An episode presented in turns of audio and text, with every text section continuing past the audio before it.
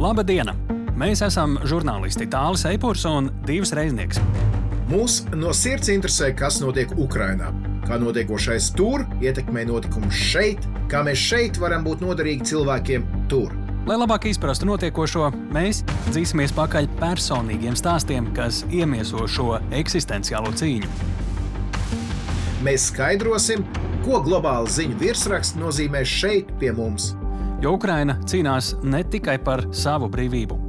Ukraina šobrīd ir arī mūsu drošinātājs. Sveiciens mūsu klausītājiem, sveiciens tev, Tālēpūr. Sveiciens tev, divi reiznieki, sveiciens podkāstā drošinātājs, tā septītajā epizodē. Esiet sveicināti nedēļā, kad pirmo reizi raķetes ir kritušas NATO valsts teritorijā.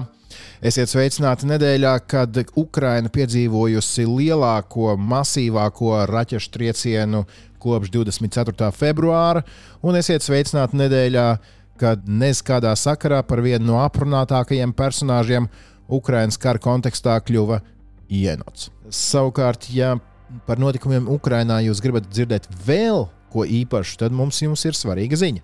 Jo pēc šīs drošinātāja epizodes ieskām jums noklausīties kādu citu Latvijas radio kolēģis, Indras Frances veikumu, divās citās podkāstu dokumentārijas epizodēs. Un Indra pati bija devusies uz nesen atbrīvotajām Ukraiņas teritorijām tieši Harkivas apgabalā. Viņa bija izjumā, Balaklijā, esam dzirdējuši šos nosaukumus, un viņa klātienē sarunājas ar cilvēkiem par izdzīvošanu okupācijā, pusgada garumā stāsta par to, ko redz pati savām acīm, milzu skaitu krievu pamestā tehnika, sagrautas ēkas, cilvēki kā savus nogalinātos jau otrais pāri apbedī.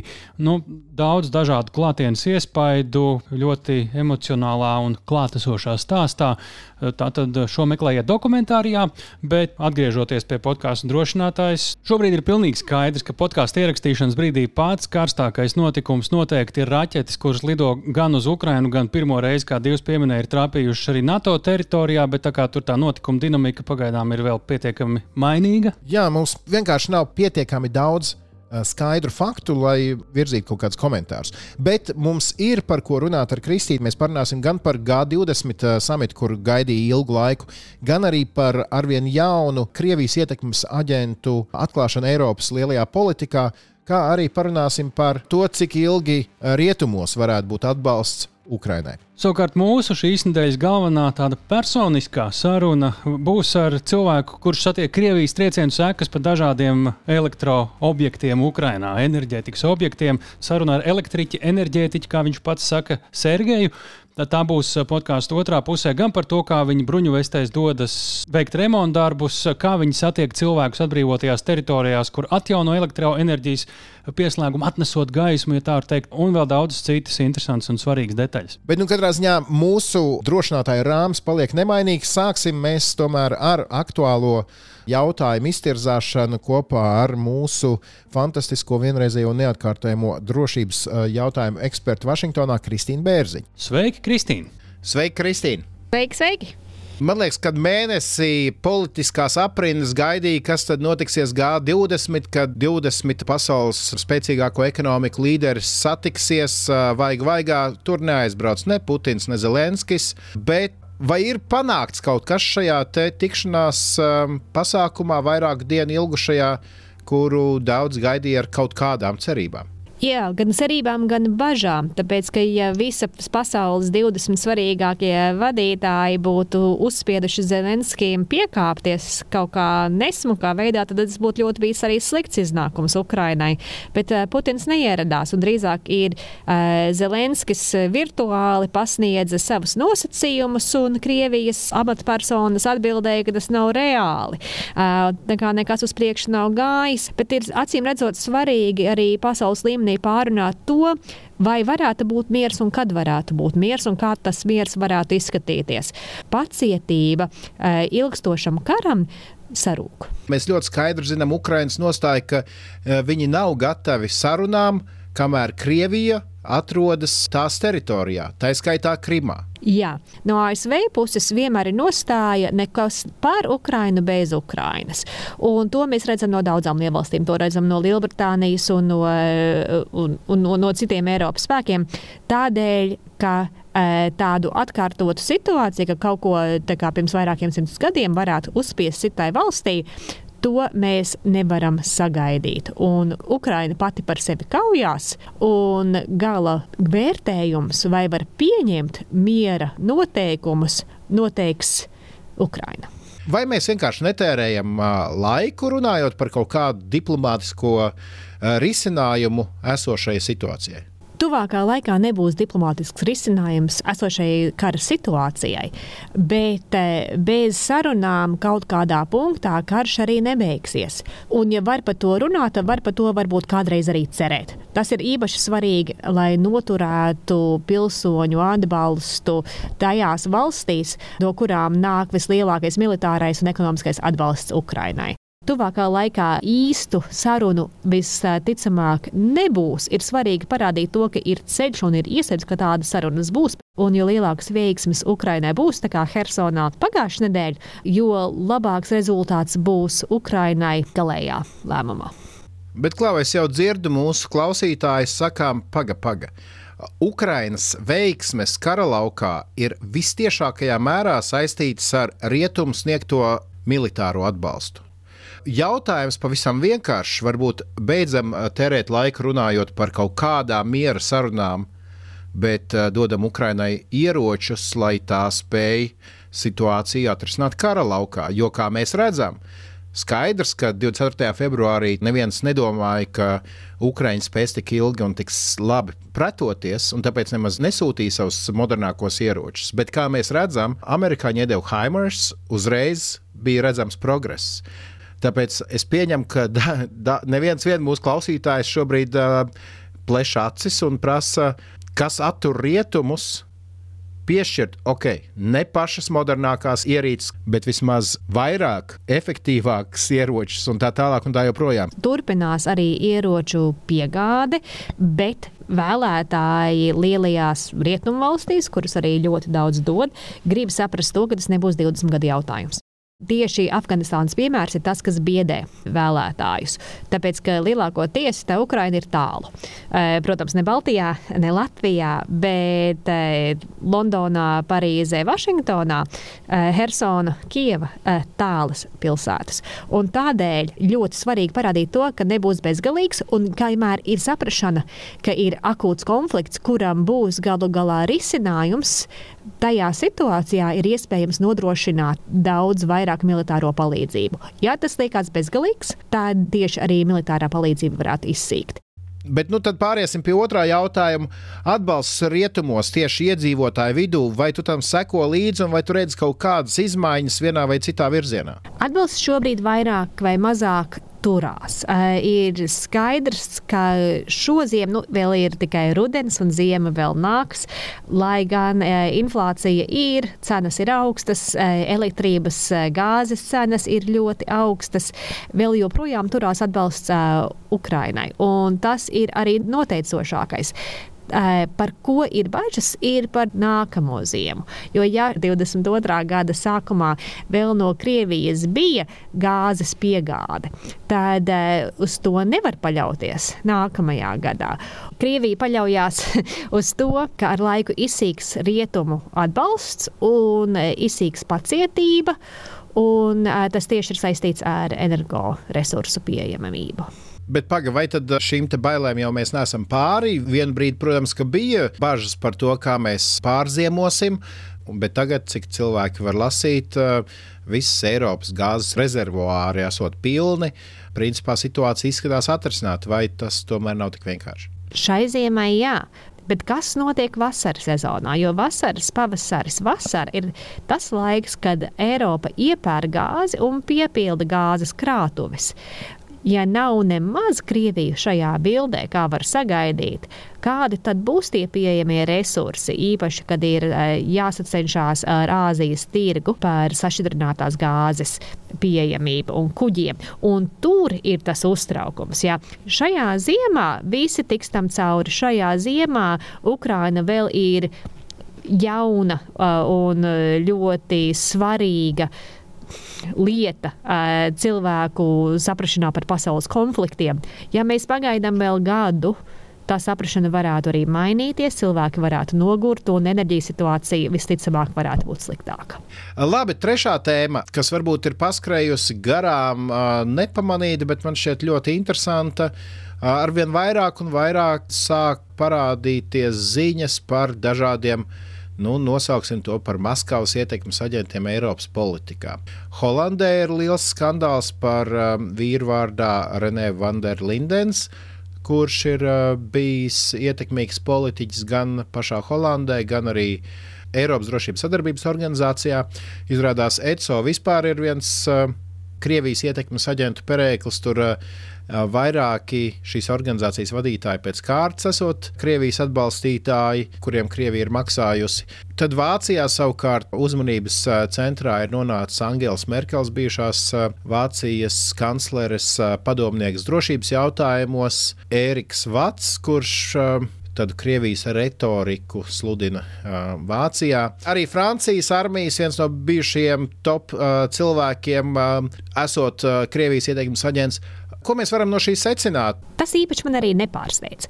Krievi kopš padomu laika jau ir atbalstījusi uh, politiķus un ietekmīgās personas, jauniešus, kuri varētu pacelties un ar laiku ieaugt ietekmīgās pozīcijās Eiropā un, un, un visā plašajā pasaulē ietekmes aģenti ir kādreiz spējīgi varbūt iegrozīt politiku Krievijai labvēlīgākā virzienā, bet bieži tas arī nav tas noteicošais. Jā, Nīderlandē, un Francijā, Vācijā ir bijušas politiskās balsis jau gadsimtiem, kuras uzskata, ka ir gudri savu valsts interesu dēļ noturieties Krievijas pusē un vienmēr ir arī bijusi otrā puse.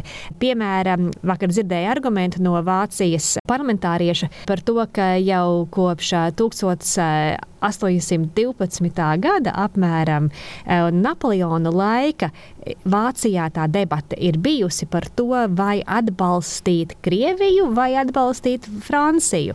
Un kopš tā laika tā sarunas līdz pat Nord Stream 2 un mūsdienām ir bijušas svarīgas, lai ietekmētu politiku. Protams, elites kārtās varētu būt tie, kas jau ir varbūt prokrieviski noslēdzušies, un tad Krievijai arī bieži izdodas viņus sameklēt un atbalstīt, un būs otrā puse. Bet tas, kas nolem, kāda būs politika, tā ir tauta. Un kas ir svarīgi, ir tas, kādā veidā mainās tautas un īpaši jaunākās paudzes attieksme pret Krieviju un par ārpolitiku. Piemēram, ja runāsim par Vāciju. Vācijā līdz februārim bija sajūta, ka augstā kara beigu laika politika, ostpolitika, austrumpolitika, dabasgāžu celtniecība uz Krieviju un arī tāda draudzīgāka saikne ar, ar Padomju Savienību un pēc tam Krieviju, ka tā samainīs tās valsts politiku arī caur tirzniecību un labām attiecībām. Tā teorija saucās Vandeldurhandel, tas ir nu, maiņa caur, uh, caur caur, caur tirdzniecību. Un tā ir bijusi savā ziņā kā tāda politiskā reliģija, gan elitē, gan arī ļoti uh, plaši tautā.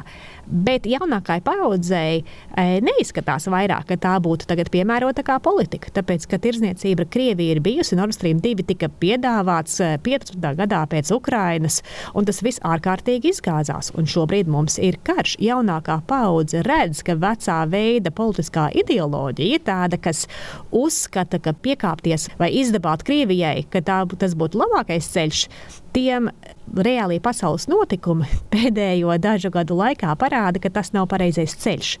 Tāpēc ir atbalsts Ukrainai, tāpēc tieši tautā bieži vairāk atbalsta militāro palīdzību Ukrainai nekā elitē. Un šī paudžu maiņa un faktiskā realitāte varētu būt daudz svarīgāka nekā tas, ka Krievija tagad ir algojusi nezinu, desmitiem vai simtiem politiķus visā Rietumē Eiropā.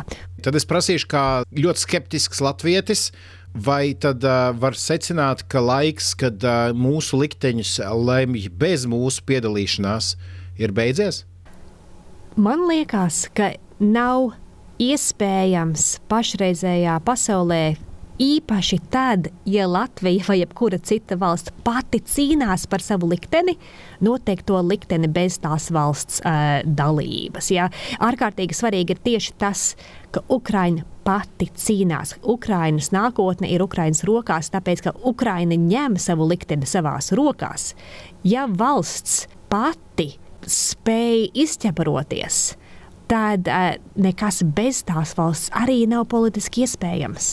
Un tas man liekas arī ļoti svarīgi tieši saprast Latvijā un, un Baltijā, ka aizsardzība un pa, valsts pašas atbildība nodrošināt savu aizsardzību ir vissvarīgākā lieta. Ja labāk pati valsts cīnīsies, tad būs arī uh, faktiskais atbalsts ar militāru, militārais atbalsts un ekonomiskais atbalsts. Tas arī būs lielākā mērā.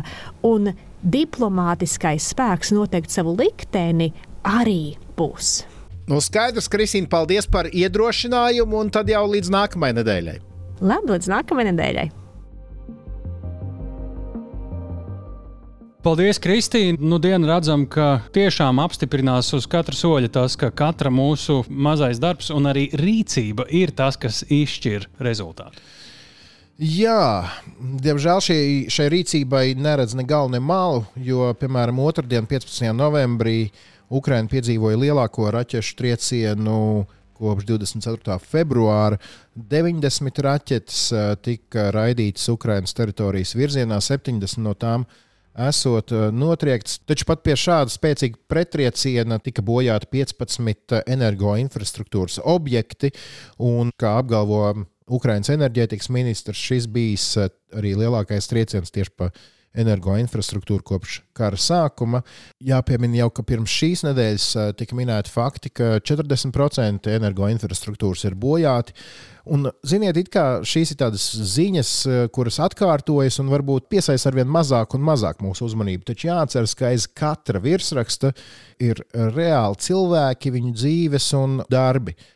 Tieši tādēļ mums šķita interesanti atrast cilvēku, kura darbs ir tikt galā ar šo uzbrukumu sekām?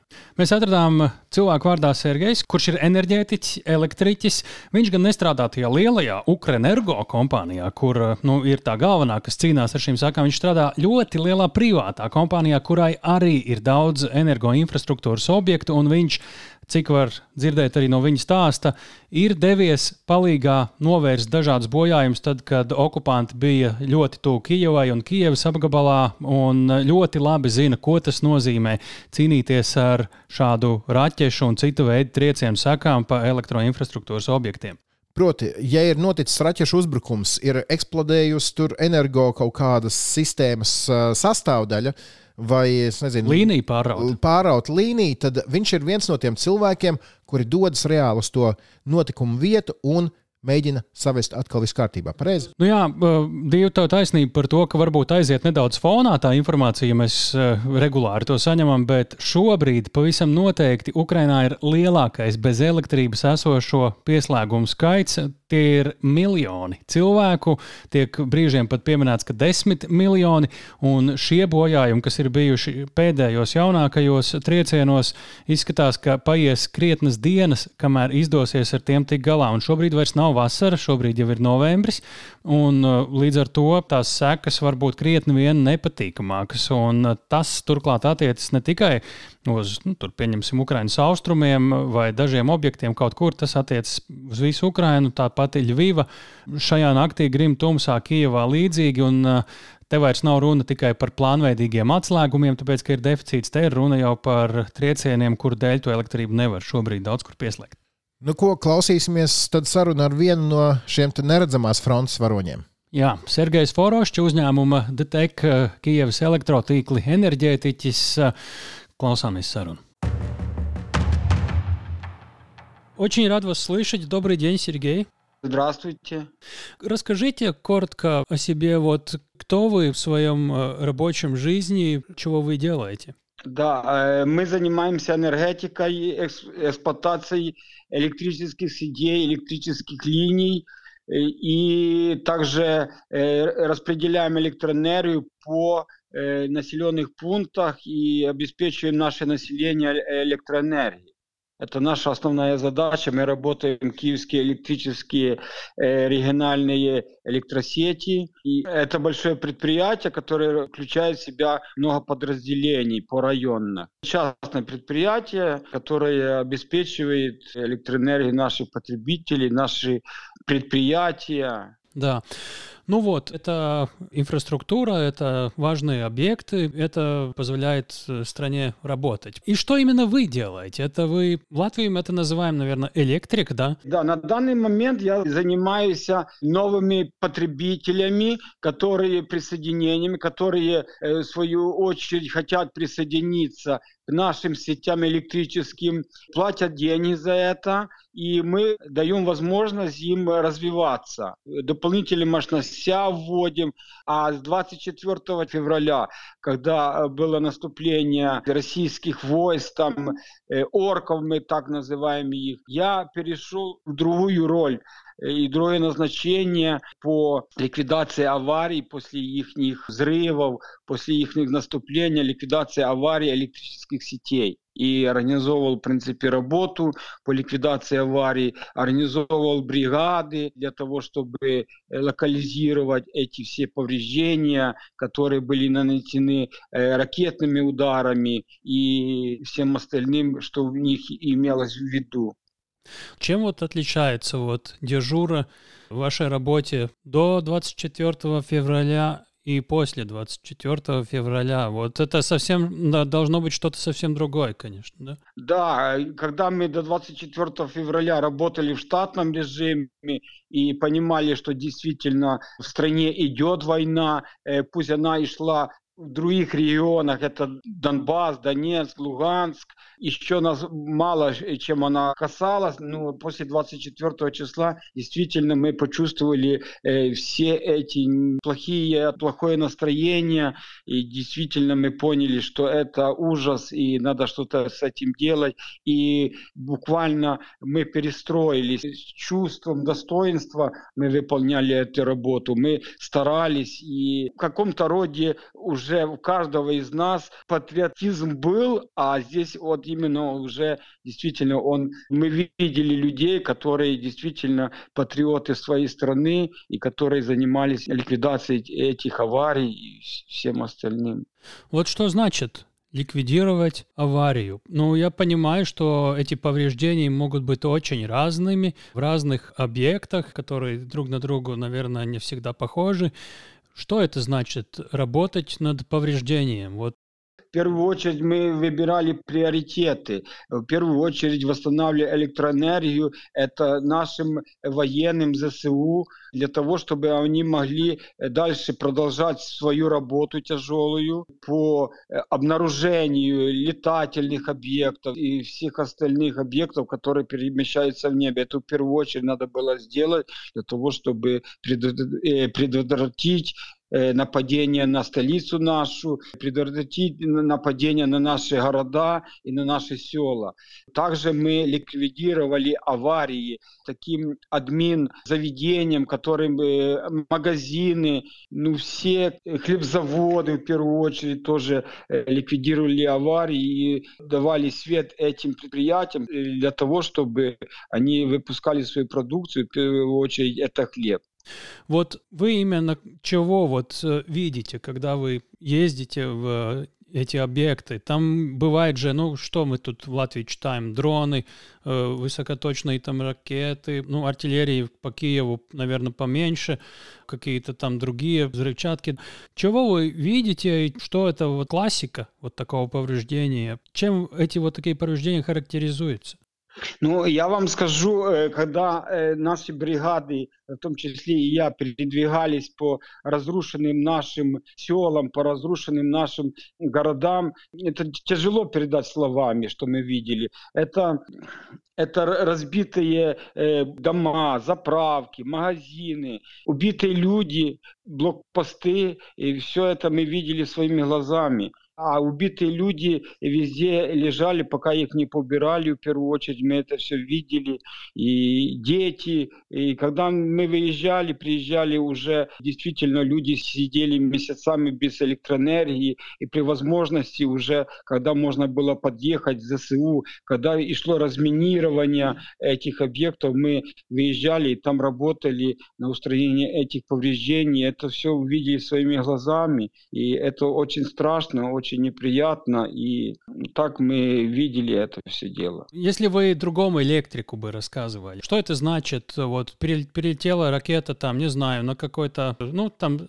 на станции, которая вот разделяет электричество по, по, по объектам, там, там же присутствует и электричество, и, может быть, не что-то взрывоопасное, или что, что это значит работать в таком объекте после повреждения? Во-первых, когда мы работаем на ликвидации аварий, будь какого объекта, или это линия электропередач, или это подстанция, э, мы постоянно находились в опасной зоне, потому что постоянно шли артиллерийские перекрестные огонь, то ли с нашей стороны, то ли с их стороны. И мы постоянно между ними бывали моменты, что мы там работали в этой зоне. Бывало, что по два, по три часа просто э, находились в убежище, пока э, закончилось закончится арт-подготовка или арт-обстрел, а потом дальше продолжали выполнять свою работу. Создается впечатление, что без жилетов и такого оборудования там э, довольно опасно выйти. Или как это? Вы не выглядели как и военные почти?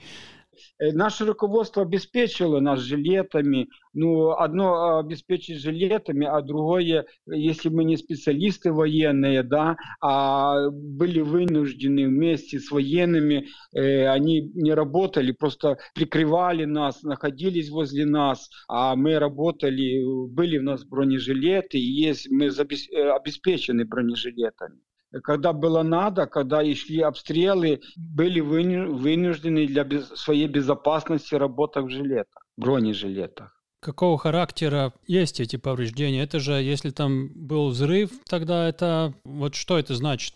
Мы, как специалисты, смотрели на объемы повреждений. Э, если есть возможность, э, было время, что не было материалов, э, было время, что мы использовали старые материалы, уже БУ материалы, и приходили, оценивали ситуации, и приходилось выполнять работы как БУ материалом, так восстанавливать хотя бы временно для подачи электроэнергии, а потом уже в планах ставили приоритеты для того, чтобы восстановить уже качественную электроэнергию. Если надо было линию построить, значит мы уже понимали, пока там электроэнергия есть, как мы говорим, временно, да, но электроэнергия есть. А для капитального строительства уже дальше вы использовали новые материалы, новые провода, заказывали, нам подвозили, и мы выполняли эти работы. Электричество действительно непонятный продукт, и его мы не можем увидеть, вы знаете,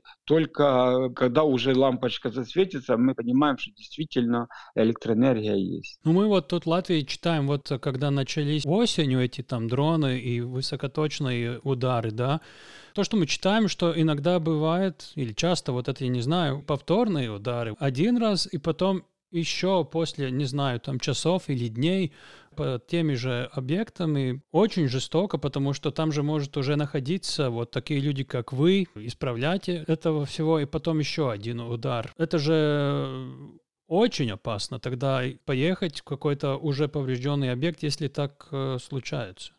Действительно, сейчас российские войска бьют по энергетической инфраструктуре. Они бьют по подстанциям, которые раздают электроэнергию по городам. Высоковольтных подстанциях напряжением 330, 110, 35 киловольт для того, чтобы оставить наше население без электроэнергии. Мы, в свою очередь, тоже не ждем пока они будут там стрелять по нас и бомбить нас, мы тоже укрепляем наши подстанции, делаем все возможное и невозможное для того, чтобы оставить наши подстанции э, в рабочем состоянии. Мы обкладываем их песком, укрепляем их бетоном, чтобы осколки не повредили наши изоляторы, наши трансформаторы ну, и оборудование подстанционное и все остальное такое, которое ценное.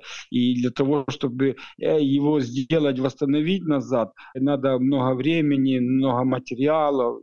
Ну, действительно, э, они сейчас бьют повторно, даже есть моменты, когда они повторно в одну и ту же точку бьют, бьют и хотят уничтожить нашу энергетику. Мне вот кажется, именно вот таких экспертов, как вы, коллеги, тоже, потому что, ну, если объект поврежден, это очень вероятно, что там будет кто-то его исправлять. Если повторный удар, тогда это специалисты под ударом. Да, наши специалисты всегда же находятся на подстанции, они ремонтируют, и есть дежурные специалисты. У нас есть вероятность, что наши люди тоже могут попасть и погибнуть. Для того у нас есть укрытия, мы делаем временные укрытия, и если есть возможность, мы сделаем постоянные укрытия, чтобы обеспечить наш персонал от взрывов на подстанциях и уберечь наших людей. Как поменялось отношение населения к электрикам, к энергетикам? Вы это чувствуете вот с начала войны?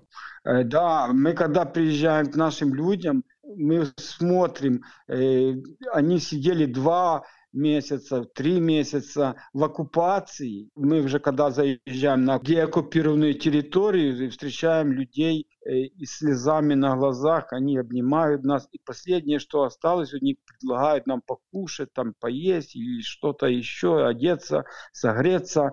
И действительно это, на это горько смотреть и тяжело. Да, и они к нам относятся действительно как родным, и она сразу чувствуется, э, очень чувствуется. Большая поддержка, большая любовь с их стороны. На какие нужды больше всего у людей в оккупированных территориях им не хватало электричества? Что они рассказывают вам? Что они подключают самое первое? Ну, в первую очередь, это тепло. Электричество – это тепло. Э, как и у нас, так и у вас. Это, э, мы говорим, что это газовые котлы работают от электричества, это двигателя. Это насосы, которые дают воду в населенные пункты. Это свет, все остальное, все работает на электричестве, знаете, как в магазинах, так и всем остальном. Все предприятия работают на электричестве. И когда они сидели три месяца без электричества, без тепла, ну хорошо, если у кого-то там есть дрова, какие-то печи, э, они там вместе где-то собирались пол улицы, чтобы согреться, то сейчас идет зима, и это еще тяжелее будет, когда они будут наносить россияне по нашей инфраструктуре энергетической. И будет еще тяжелее нам пережить эту зиму, но мы готовимся к этому. А как вы наблюдали, вот оккупанты, когда вот зашли в какую-то территорию, там сразу были уже проблемы с электричеством, они это сознательно создавали их, или они, уходя, э, многое повредили? Они сознательно сразу отключили свет, чтобы не было света, чтобы наши люди уже по своим там военным, наверное, каким-то шаблонам сразу были все населенные пункты отключены от электроэнергии. Это подрывом линий электропередач, подрывом трансформаторных подстанций. Ну, когда уходили, э, энергетика в этих районах была уже уничтожена, и что нам пришлось потом восстанавливать. Сколько у вас вот таких коллег, которые были электриками, которые теперь уже в войне? Или электрик — это профессия, которая остается в своем месте, делает вот именно энергетический службу? Перед этим я вам скажу, когда я пришел уже на веренный мне объект, где я занимался во время наступления российского, коллег не было. Кто-то выехал семью вывозить, кто-то остался в оккупированной территории.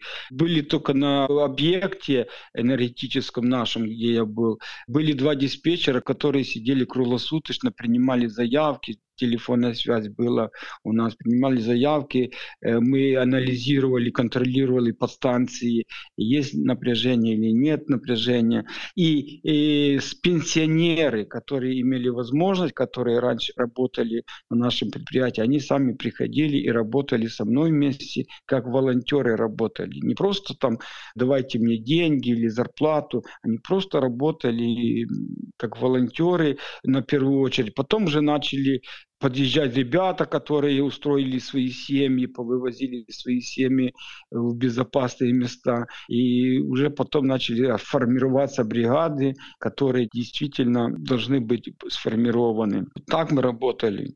И большой уклон и нашим пенсионерам, которые действительно работали просто как патриоты. Как вы поддерживаете дух? Вот вы, наверное, работаете в какой-то своей бригаде, команде, знаете друг друга, вам надо поддержать друг друга. Вот. Поддержка начинается, наверное, с мелочей. Все прекрасно понимают, не только энергетика, э, весь украинский народ понимает, э, какая ситуация в Украине. В первую очередь идет экономия электроэнергии. Если мы говорим за электроэнергетический сектор Украины, идет большая экономия электроэнергии. Не только что мы отключаем почасово для экономии электроэнергии. А еще плюс каждый, вот даже я сижу на предприятии, работаю в предприятии, где мы постоянно, если не надо этот свет в коридоре, мы его отключаем. Если не надо в данный момент э, свет, например, в туалете или на кухне, э, мы его отключаем. Идет экономия. Значит, даже я могу, э, могу сказать вам, такая мелочь, ну, наверное, пачка из-под сигарет ребята тоже не выбрасывают. Потом сдаем эти пачки девочкам, которые занимаются волонтерством здесь у нас на предприятии. Они покупают табак, крутят сигареты в эти пачки и передают на фронт. Ну, так как бы поддержка идет и в нас, и все украинские люди понимают ситуацию, и каждый чем может, тем помогает, и каждый на своем секторе, в своем понимании делает. Даже люди, которые были когда-то коллаборантами и приветствовали Россию и российскую власть, они очень много людей, ну я знаю, наверное, немного людей, а 90% кого я знаю, они поменяли свое мнение про российскую власть и российские войска. И хотя остались русскоязычными, а мнение много людей поменяло свое мнение. Сколько я читал, тогда вот Э, именно самой электроэнергии в Украине более-менее хватает. Есть там ядерное электричество, которое делает Украина, и проблема не то, что нет электричества, но именно как ее доводить до потребителя. И это есть то, что почему люди вынуждены э, сидеть без электричества в больших территориях. Э, да, электроэнергии в Украине хватало, и есть электроэнергия. Ну, за счет того, что она разрушается, есть проблема потом э, ее передачи. Вот они что делают? Они, российские войска, бомбят ТЭЦы. Российские войска бомбят по станции. Вы знаете, что до войны э, Украина э, торговала электроэнергией. Был избыток электроэнергии. Сейчас у нас дефицит электроэнергии. Ну, за счет того, что идет разрушение ее. У вас, наверное, я верю, есть друзья, соседи, родственники. Они не спрашивают вам, вот как лучше всего вот с этими отключками как бы поступать, что-то зарядить, какие-то аккумуляторы. Ну вот они спрашивают вам совета, что мне делать, как лучше вот в таких обстоятельствах жить. Да, э, много людей обращаются, которые просто привыкли всегда заходить к себе домой, просто включать выключатель, и всегда была электроэнергия. Сейчас есть дефицит электроэнергии, про что я говорил. Ну и спрашивают, как жить, как бы что, что делать. Э, в первую очередь я советую им, есть альтернативные какие-то зарядные устройства. Это мы говорим про генераторы, это мы говорим про аккумуляторы, и так и еще там есть моменты, где, где надо закупать их, приобретать для того, чтобы хотя бы пережить нормально зиму. Ну вот я слушал интервью с женой очень больного мужа, которому нужно электричество для поддержки жизни вообще. И они, как только появляется электричество, оставляют все там батарейки, аккумуляторы, которые у них есть на зарядку. Все так делают, наверное. Когда вот включается лампочка уже, ну, ставят все телефоны там. Это не опасно, э, потому что все же это так делают. Ну, смотрите, в первую очередь, что сделано, больницы, которые находятся по районам, не есть графики отключений. Это все знают. Больницы мы стараемся не отключать, и график они не попадают. Также есть программа государственная, все больницы оснащены генераторами. Не дай бог, там аварийное отключение или еще какое-то отключение, все больницы оснащены генераторами. Э, но если у человека нет возможности находиться в больнице, значит, как вы правильно говорите, они э, обеспечивают себя какими-то аккумуляторами, генераторами, и нет ничего опасного включить генератор. Есть проблема да, в дефиците топлива. Для того, чтобы заправить генератор, надо или солярка, или э, бензин, но тут уже надо тоже рассчитывать на свои финансовые возможности.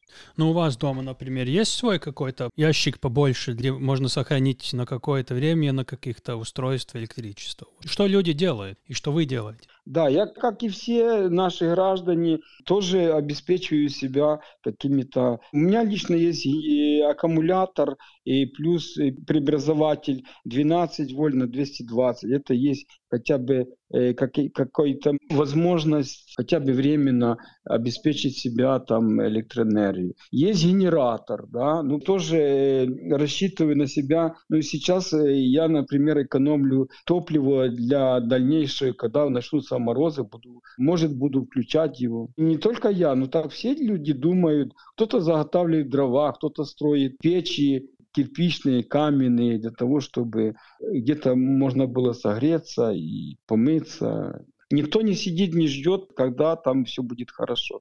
Все занимаются и запасаются. Чего бы нам пожелать вам и вашим коллегам? Что это самое важное именно вот в вашей сегодняшней работе, вот там на объектах? Я хочу своим коллегам пожелать действительно, чтобы они выполняли свою просто э, ежедневную работу качественно и добросовестно. И плюс еще дополнительно помнили, что у нас не мирный час, а военные действия идут на территории.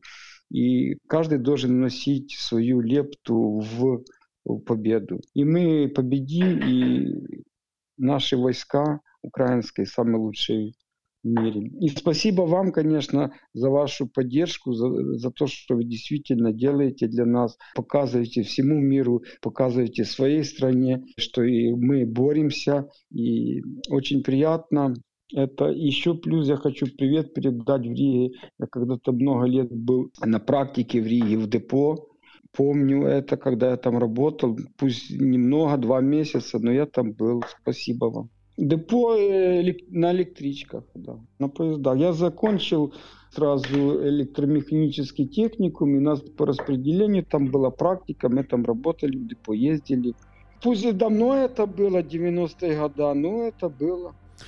Как война и это вторжение сейчас вот поменяло отношение вот той профессии, которую вы выбрали, насколько она важная? Если я выбрал эту профессию много лет назад, уже больше 30 лет назад я выбрал эту профессию, моя профессия в первую очередь это людям дать светлое будущее. Я работаю на людей, я работаю для людей. Если я так выбрал эту профессию много лет назад, значит, я э, и в мирный час, и в военный час буду до конца идти и выполнять свою работу, и делать все от меня возможное для наших людей, для украинцев, а также буду все делать для, для нашей победы. Ну, это вы как бы теперь электрическом фронте воюете, так можно сказать? Да? Ну, каждый дает свою часточку работы, и, в общем, мы идем все к победе. Каждый на своем фронте участвует и вносит лепту в победу. Да, огромное спасибо вам. Хорошо, спасибо вам. До свидания.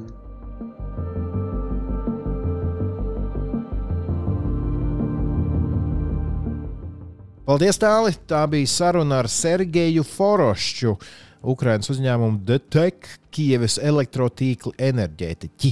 Jā, tik tiešām eh, ļoti liels paldies Sergejam, ka viņš eh, tā sirsnīgi un godīgi izstāstīja, kāda ir viņa ikdiena un viņa kolēģi ikdiena, un arī Ukraiņas iedzīvotāja ikdiena šādu elektroatslēgumu laikā. Nu, patiesībā bija, es to iepriekš nezināju pirms šīs intervijas, bet eh, jā, Sergejs pats vienkārši ņēma un sāka stāstīt, ka viņš vispār Rīgā mūsu depo ir gājis praksē elektrovilcienu, paši dzirdējāt.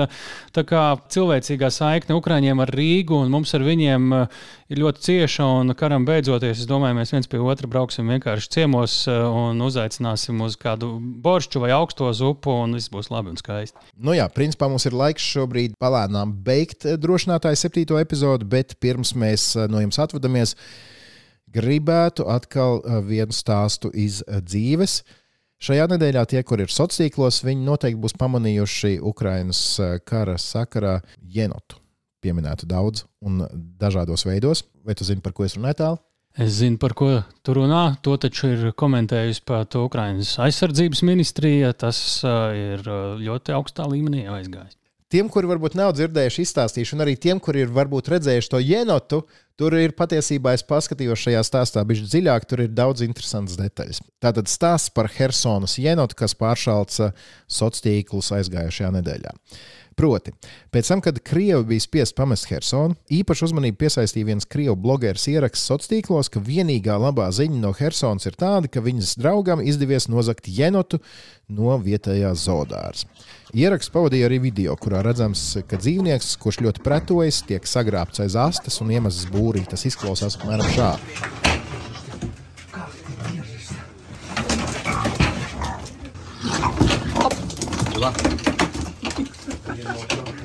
до, в домике один. Tātad tiek nolaupīts jenots. Šī ziņa pāršāca internetu, raisot visādus jautājumus, kāda vēlna pēc jāzog jenots. Viņš strauji kļuva par vienu no aprunātākajām būtnēm saistībā ar karu Ukrajinā.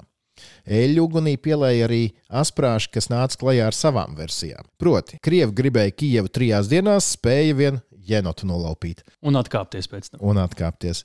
Piemēram, zinot, ka Krievijas karavīri tieksmi laupīt veļas mašīnas, ārzemnieki norādīja, ka Somijā ir veļas mašīnu ražotājs ar nosaukumu Jenots, un varbūt Krievi vienkārši ir nu, kaut ko pārpratuši. Vācieši tikmēr vērsa uzmanību, ka Jenots vāciski ir vašbēr, jeb latviešu mazgājošais lācis, un varbūt ir paņemts kā veļas mašīnas aizstājējs. Jēnots stāsts nepalika nepamanīts arī Ukraiņas amatpersonu vidū.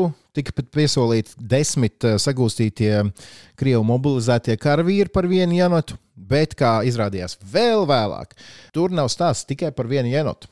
Patiesībā no Helsonas tika aizvesti lama, vilki, fazāni, pāvi, ēzelīte vārdā Daša. Bet jēnots bija nevis viens, bet gan drumroll septiņi. Septiņi jenoti bija kopā.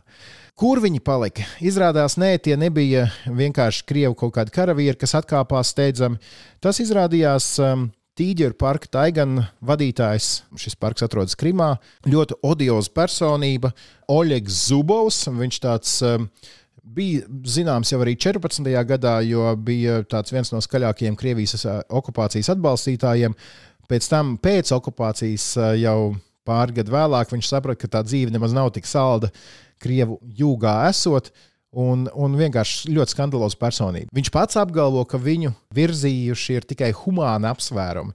Kad situācija nomierināšoties, viņš ir gatavs visus šos dzīvnieciņus atgādāt atpakaļ uz Hersonu. Tam ticēt vai neticēt, tas lai paliek katra paša ziņā, bet stāsts ir tāds - stāsts par Ukraiņas jenotu. Saving Private uh, Ryan bija tāda filma, Tagad ir Saving Private Raccoon. Nu, man par Jenotu patika tweets uh, no Twitter konta Defense Ukraine, kur viņi saka, ka okupanti ir nozaguši visu no Helsonas, gleznas no galerijām, uh, vērtslietas no muzejiem, vēsturiskus manuskriptus no bibliotekām, bet viņu lielākais laupījums izrādījies Jenots no zoodārza, un viņi nobeidz to tvītu, nozodz Jenotu un mirstī. Nu, ko lūdzu nezodziet Jenots, it īpaši Ukrāņu Jenots, jo tas var būt bīstami dzīvībai. Tiekamies drošinātāji nākamajā epizodē. Drošinātājs katru ceturtdienu reizi nedēļā un rakstiet mums. Drošinātājs Latvijas Rādio LV ir mūsu e-pasta adrese.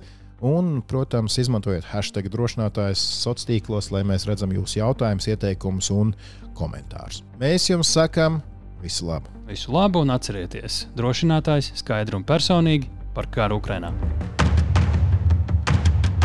Raidieraksts drošinātājs.